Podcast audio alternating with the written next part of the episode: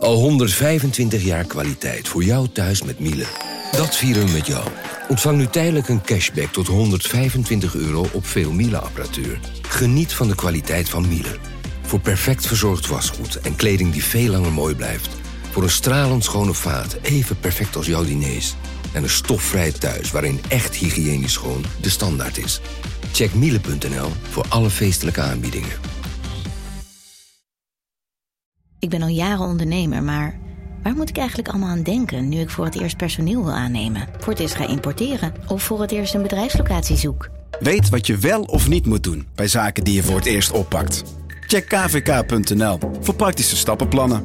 KVK, hou vast voor ondernemers.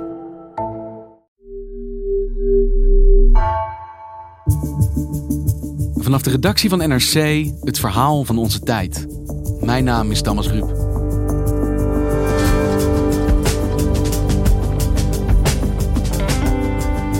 Hittegolven kennen we, maar zeehittegolven? Ze bestaan, komen zelfs steeds meer voor en hebben ontwrichtende gevolgen voor het leven in zee. De oorzaak? Klimaatverandering. Toch horen we er weinig over en zo gaat het vaker met klimaatonderwerpen, constateert wetenschapsredacteur Marcel Aandebrug. Want hoe vertel je een verhaal dat misschien wel acuut is, maar niet nieuw?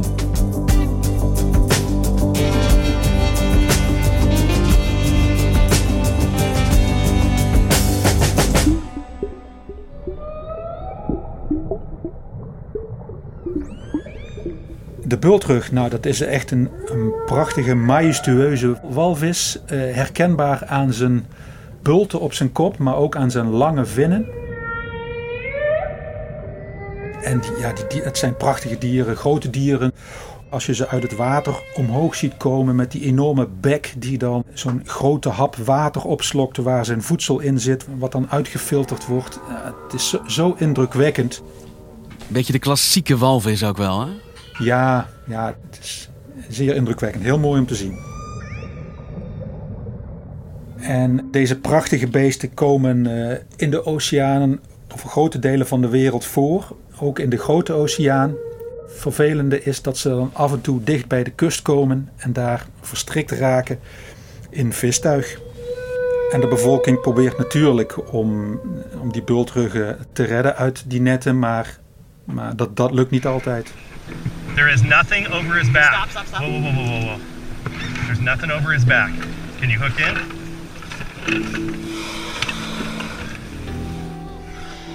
Cut, we're good.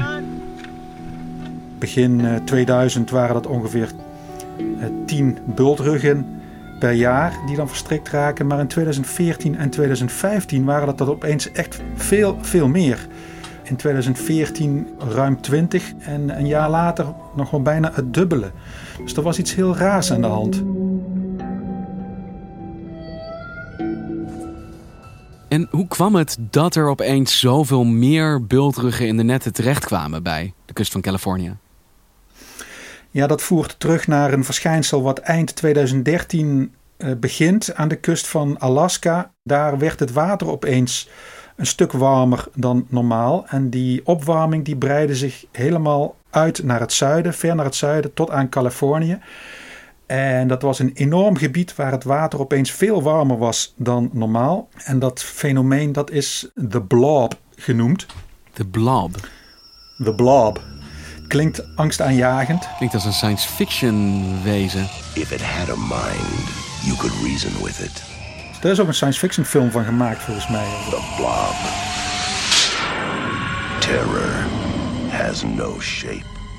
En als het geen science fiction wezen is, wat is de Blob dan wel precies? Uh, dat is wat we noemen een marine heatwave. En dat vertalen we als een zeehittegolf. Dus zoals je hittegolven op land kunt hebben, komen die ook voor in de zeeën en oceanen. Well, it has been a summer of heat waves, and when you think of one, you might picture a blazing sun and dry yellow grass. But the severe heat is also being felt in the ocean. Earlier this month, scientists in San Diego recorded the highest all-time seawater temperatures ever.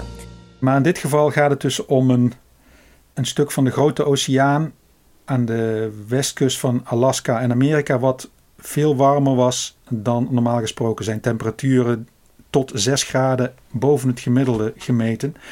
En dat zette echt een cascade aan veranderingen in gang, waar uiteindelijk ook de bultruggen uh, last van hadden. De bultruggen die eten dus normaal kril, maar als uh, er geen kril beschikbaar is, dan stapt hij ook makkelijk over op ander voedsel, bijvoorbeeld ansjovis.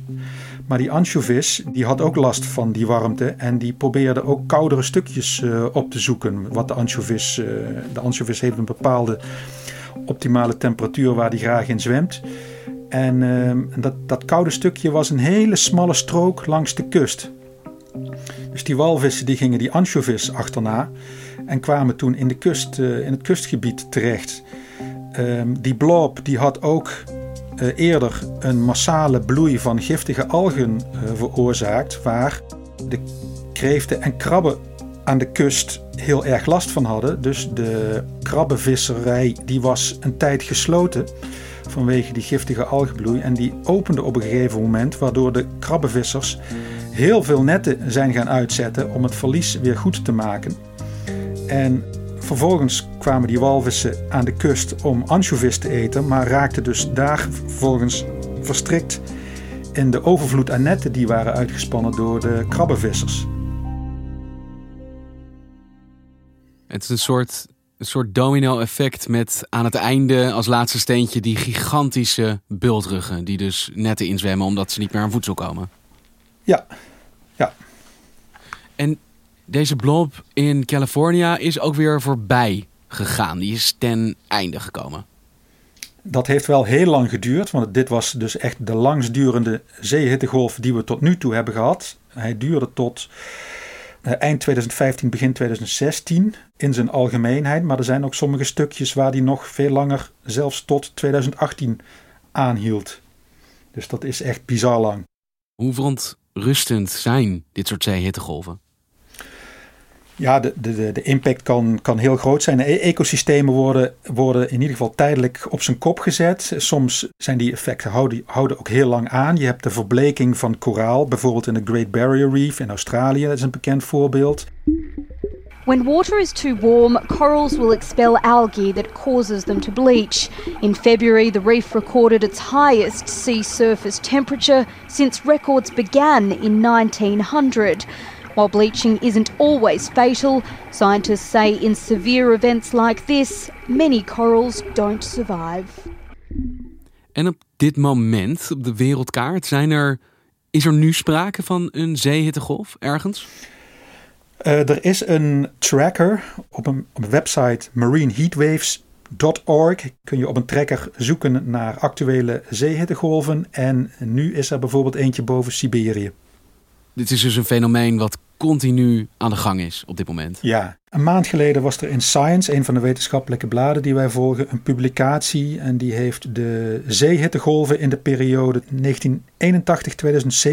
in kaart gebracht. En die komen erop uit dat er in die periode meer dan 30.000 zeehittegolven hebben eh, plaatsgevonden over de hele wereld. Dus wat, wat ze zien, wat zij beschrijven in die publicatie, is dat uh, de zeehittegolven in aantal toenemen, maar ze nemen ook toe in intensiteit en in grootte. Want wat ligt er aan dit fenomeen ten grondslag? Waar komen deze hittegolven in zee vandaan? Ja, dat is een beetje het probleem, want er is een hele mix aan oorzaken die door elkaar spelen. De, eh, de, de gestage opwarming van de oceanen speelt daar uh, een rol in. Maar je hebt hele grote oceaanstromen die eens in de zoveel jaren uh, afwisselen in fasen. Het kan te maken hebben met het smelten van het zeeijs in het Arktisch gebied. Het kan te maken hebben met windpatronen heel hoog in de atmosfeer, de straalstroom bijvoorbeeld. Uh, dus er is een grote variatie aan oorzaken. Ja, dat is een ingewikkeld antwoord op een ingewikkelde vraag. Maar is er ook een simpel antwoord op een simpelere vraag? Is, komt dit door klimaatverandering? Um, ja, dat opwarming van de aarde een rol speelt, dat is wel duidelijk. Hey Marcel, bij hittegolven op het land heb ik het gevoel, nou ja, de, de voorpagina's staan er vol mee als dat weer eens aan de gang is. Als het weer eens 30 graden is op het moment dat je dat niet verwacht. En toch heb ik als, nou ja, toch geïnteresseerd journalist nog nooit van dit fenomeen gehoord. Hoe kan dat? Terwijl jij zegt dat dit zo ontwrichtend is. Ja, ik denk uh, de landhittegolven die staan iets dichter bij ons. Bedoel, dat ervaren wij zelf. Dus die zeehittegolven, dat is misschien iets voor ver weg. En, en dat is een probleem wat vaker speelt met klimaat. Het zijn sluimerende problemen. In die zin is het bijvoorbeeld anders dan een, eh, een coronacrisis, wat gewoon meteen een acute crisis is. En bij klimaat praat je toch vaker over sluimerende problemen in de tijd. En dat wil dus niks zeggen over de omvang of de ernst van die problemen, maar het is moeilijker bericht geven erover voor journalisten, denk jij? Ik ja, ik denk het wel. Als ik, eh, als ik even mag vertellen, eh, jullie hebben mij vaker benaderd. Ik, ik schrijf veel over klimaat. En jullie hebben mij vaker benaderd over een onderwerp van, oh, dat is interessant. Misschien kunnen we daar een vandaag podcast uh, aan besteden. En dan gaan, we, gaan we praten over hoe zit het in elkaar. En uiteindelijk heb ik het nu drie of vier keer gehad dat dan toch op de lange baan wordt geschoven, omdat het niet actueel genoeg is. En, uh, Je wordt ons afgebeld. Nou ja, ik bedoel, het gaat in goed, in goed overleg, maar uiteindelijk besluiten jullie dan toch dat het niet actueel genoeg is. Ja, want het idee is dan, we moeten dan een verhaal van de dag vertellen. En wat jij dus eigenlijk krijgt is interesse van ons. En wij willen wel luisteren en interessant. Maar dan vragen we eigenlijk waarom vandaag? En daar is dan nooit een antwoord op. En dan denken we, ach, we kunnen het net zo goed laten zitten. Ja, ja. Nou ja, ik, ik vraag me dat natuurlijk als klimaatredacteur ook af. Ik worstel daar ook mee. Hoe vertel je een, een goed verhaal over klimaatverandering? Wat ook meespeelt, het, het, het speelt op, lange, op hele lange tijdschalen, op eeuwen, op duizenden jaren. En dat is voor de mens heel moeilijk te bevatten, eh, omdat we in het hier en nu leven. En onze tijdschaal speelt zich af op dagen, weken, jaren, eh, niet langer. Dus we hebben daar ook niet zo'n gevoel bij. Ik heb daar ook een, een mooi boek over gelezen van een uh, Scandinavische geologe die nu in Amerika hoogleraar is, Marcia Björnerud. Dat boek dat heet Timefulness. En dat gaat, een speling op mindfulness natuurlijk, maar dat gaat inderdaad in op dat feit dat wij heel moeilijk om kunnen gaan met problemen die over zo'n lange tijdschaal spelen. Uh, maar het mooie is, uh, Marcia Björnerud beschrijft in haar boek dan een aantal kunstprojecten met name. Uh, kunstprojecten die proberen om die tijdschaal, om het gevoel van die tijdschaal te vergroten. Zij noemt bijvoorbeeld een, even kijken, ik heb het boek nu voor me en ik sla het open op pagina 169, noemt zij een concert in een 14e eeuwse kathedraal in Halberstad, Duitsland. En dat speelt al vanaf september 2001 en dat zal 639 jaar uh, duren. You're listening to a performance of a piece called As Slow as Possible. Composed by John Cage, it actually started in 2001 and will take 639 years to finish. This show won't end until the year 2640.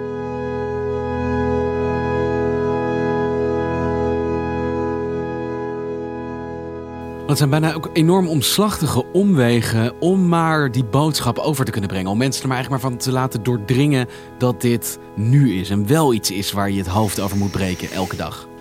Ja, ja, want het blijkt toch heel moeilijk om mensen daarover te laten praten. In de Verenigde Staten hebben ze dat ook onderzocht. Praten mensen nou wel over klimaatverandering? Nou, er is een enquête gehouden, een nationale enquête in 2016. Daaruit blijkt iets meer dan een derde praat zelden over klimaatverandering. En nog eens een derde praat er nooit over. Dus ongeveer twee derde nou ja, praat er niet of nauwelijks over. Dat is echt dat is heel veel natuurlijk. En de redenen waarom? Nou, uh, mensen denken dat anderen niet geïnteresseerd zijn in het onderwerp. Ze denken dat ze er anderen snel mee vervelen. Sommige mensen denken dat ze er niet genoeg over weten en, en, en dus in een discussie niet deskundig genoeg overkomen. Of ze ervaren de dreiging van klimaatverandering als iets existentieels en uh, willen het er dus eigenlijk liever niet over hebben. Of ze hebben het idee dat ze er toch niks aan kunnen veranderen. Of mensen doen wel iets, maar denken dat het niet genoeg is en voelen zich daar dan vervolgens weer schuldig over. Allerlei redenen waarom het dan geen gespreksonderwerp is. Ja, het is misschien ook niet echt het gezelligste gesprek vaak bij nou ja, het clichématige koffieapparaat. Ja, kijk, het is ook. Ik worstel daar zelf ook mee, want het zijn vaak geen leuke berichten die je hebt. Uh, heel vaak zijn het apocalyptische verhalen en dat slaat een beetje dood. Daar worden mensen bang van, ze slaan dicht. En hoe doe je dat? Ja, wat de communicatiedeskundigen zeggen is dat je handelingsperspectief biedt. Dus dat de mensen ook handvaten hebben om iets te kunnen doen. Bijvoorbeeld je huis isoleren of zo. Er zijn genoeg dingen die mensen kunnen doen. Bied daar handvaten voor. Uh, geef ook hoop. En het is niet alleen maar valse hoop. Ik, ik geloof daar zelf ook in. Uh, wij kunnen als mens kunnen wij heel veel. Dus het is in die zin, de, de, wereld gaat niet ten einde. Wij, wij kunnen als mens prachtige oplossingen verzinnen. En dus je moet hoop bieden.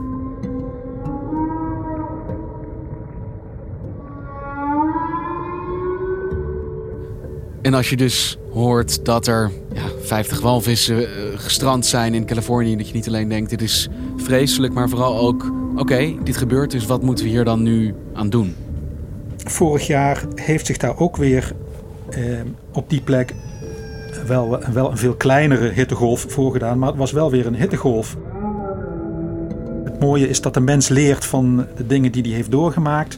Wat ze nu hebben gedaan, eh, meteen vorig jaar, is dat ze het krabbenvisseizoen hebben versmalt. Dus de, de krabbenvissers mochten hun vistuig eh, niet meteen opstellen. Ze moesten wachten tot eh, de walvissen er geweest waren. En moesten hun vistuig dus later opstellen. Dus dat vond ik dan wel weer mooi. Zo zie je dat de mens toch oplossingen zoekt. En ja, dat, dat vind ik wel hoopvol. En dat het fenomeen van die zeeën te golven met enige vertraging dus wel op de kaart staat nu. En het staat nu op de kaart, ja, zeker. Hey Marcel, hoe gaan we ervoor zorgen dat wij als podcast niet in deze val blijven trappen? Dat we de volgende keer als zo'n fenomeen speelt, we jou wel meteen in de studio hebben? Uh, ja, maar goed, dit is wel een. Uh, dit, dit, moment is wel een, een doorbraak, uh, Thomas. Hè? Dat het ons gelukt is deze keer. Ik weet niet of je dan het vandaag niet, misschien niet zo heel letterlijk opvatten. Vanaf de redactie van NRC, het verhaal van onze tijd. en misschien begin het je ook om je niet meer af te bellen. Precies, niet meer afbellen. Ik pik het niet meer. Beloofd, Marcel, bij deze. Dank je wel. Je luisterde naar vandaag, een podcast van NRC. Eén verhaal, elke dag. Deze aflevering werd gemaakt door Misha Melita en Jeppe van Kesteren. Chef van de audioredactie is Anne Moraal. Dit was vandaag. Morgen weer.